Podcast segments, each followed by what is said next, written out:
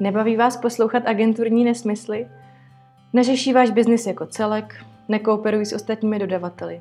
Každou chvíli vám vymění lidi na projektu. To může být realitou českého agenturního e-commerce rybníčku. V našem podcastu Pecka pod pokličkou se dozvíte, jak řídit projekty velkých e-shopů, například Electroworld, Benu anebo Hoodie Sport, od těch nejzodpovědnějších projektáků a vývojářů. Dopřejte si pořádnou porci vydatného know-how ze světa e-commerce. Mé jméno je Eva Petrášová a jsem UX výzkumnice.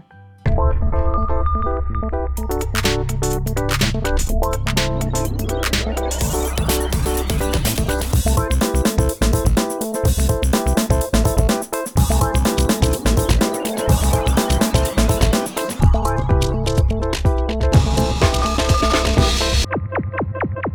dnešním díle se s Pecka developerem Honzou Chaloupkou podíváme pod pokličku největšího e-shopu na foto a video Megapixel.cz. Pobavíme se o tom, jak a proč se vyplatí i na tak velkém projektu udržovat up-to-date technologie. Ahoj Honzo. Ahoj Evo. Honzo, Megapixel patří mezi opravdu velké e-shopy. Jak se nám daří udržovat takto velký projekt aktuální právě z pohledu technologií? Celkově si myslím, že se nám to daří dobře. Jde o projekt, kde se snažíme a myslím si, že úspěšně držet krok vlastně s aktuálními verzemi a to si myslím, že nebývá pravidlem u tak velkých projektů. Myslím si, že to hlavní, proč se nám to daří, je, že aktualizujeme uh, po malých částech a průběžně. Mm-hmm. Mohl bys nám teď vypíchnout uh, nějaké konkrétní technologie, které si na projektu za poslední dobu aktualizoval? Když to vezmu chronologicky, tak poslední aktualizace byla na nejnovější verzi PHP, verzi 8.2 a asi půl roku zpátky to byla aktualizace našeho šablonovacího systému Latte. Uh-huh. Můžeš nám více přiblížit náročnost toho přechodu na nejnovější verzi? Tak zrovna u toho přechodu u verzi PHP tam ta náročnost nebyla zase tak velká, protože, jak už jsem zmínil, přecházíme postupně po verzích a tím pádem ten přechod z verze 8.1 na 8.2 nebyl zase tak složitý.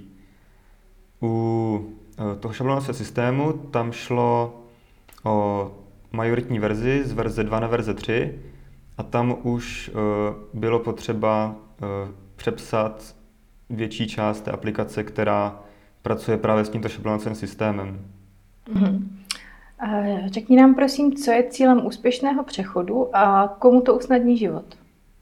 Tak při přechodu se samozřejmě otevřou vlastně nové funkce, které přenáší ty nové verze. Dál nová verze může přinést rychlejší odezvu aplikace, což je zrovna věc, která má přímý dopad vlastně na biznis toho klienta, kdy se rychle odbavují požadavky. Další bodem je bezpečnost, kdy nové verze mají opravené bezpečnostní chyby, které byly nalezeny. A samozřejmě v neposlední řadě je to taky o tom celkovém developer experience, kdy vlastně je ten celý projekt atraktivnější pro ty vývojáře. Mm-hmm, super, teď si nám vyjmenoval celou řadu benefitů. A na jaké výzvy si během přechodu narazil? Zrovna u toho přechodu šablonového systému Latte, tam díky tomu, že kompletně změnili praktický způsob fungování toho šablonového systému, tak bylo potřeba kompletně přepsat naše rozšíření tohoto šablonového systému, což byla obrovská výzva, protože při tom přechodu bylo potřeba přepsat všechny tyto naše rozšíření najednou, což bylo velice složité si i uhlídat z hlediska nějaké eh, zpětné kompatibility těchto rozšíření vlastně z předchozí verzí, ale eh, nakonec se nám to podařilo a potom jsem vlastně o tom i napsal článek, který je na eh, Pecka blogu. Mm-hmm. Co tě na tom celém procesu té realizaci nejvíce bavilo? Mě obecně baví řešit výzvy a myslím si, že každý takový přechod je výzva. Samozřejmě některý míň, některý víc, ale všechno, vždycky se najde něco, co je vlastně výzvou u toho přechodu. Ale co mě samozřejmě baví nejvíc, tak je při uh, nasazení to, té novější verze uh, to, že všechno funguje tak, jak má a takový ten pocit, kdy vlastně eh, vím, že mám na projektu to nejnovější, co můžu mít a že mám vystaráno do budoucna. Mm-hmm, super.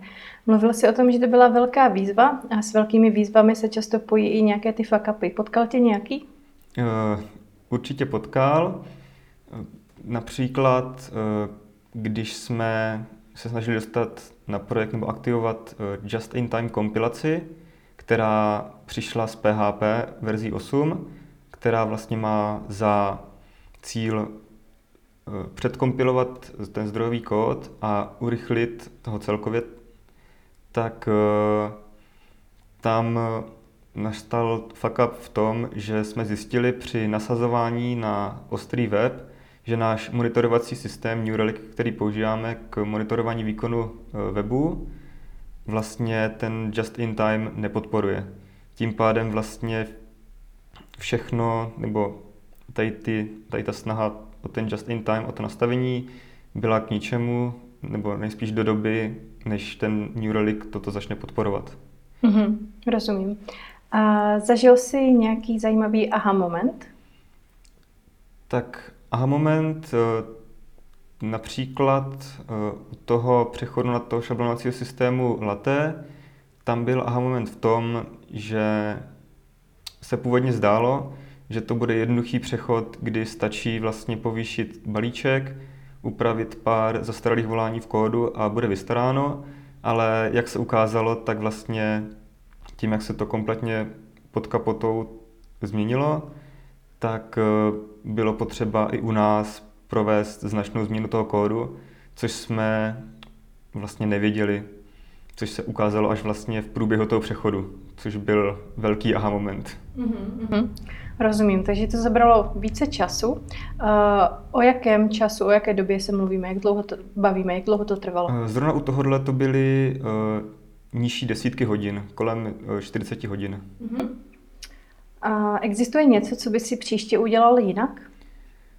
Uh, asi vzhledem k tomu, uh, když se vrátím k tomu just in time, tak bych asi do budoucna nebo určitě si budu do budoucna dávat víc pozor na to, jestli opravdu vlastně můžeme eh, přejít na tu novější verzi, aby se nějaký ten přechod nedělal zbytečně, ale jsou prostě nějaké případy, kde toto ohlídat nejde, ale určitě na tohle bych si do příště dával víc pozor. Mm, super. Napadá ti závěrem našeho eh, kratšího povídání eh, něco, co by si chtěl ještě doplnit, anebo třeba nějakým způsobem inspirovat ty, kteří nás poslouchají nebo se na nás dívají na YouTube? Eh, myslím si, nebo za mě je důležité vlastně ten projekt aktualizovat po malých částech a pravidelně. Myslím si, že se nevyplatí eh, čekat, až eh, se toho sejde víc najednou, protože potom je to samozřejmě mnohem náročnější. Mm-hmm, super. Uh, Honzo, já ti moc děkuju. A pokud se chcete dozvědět více, tak se podívejte na Pecka blog a příště nakoukneme pod pokličku dalšího z našich projektů.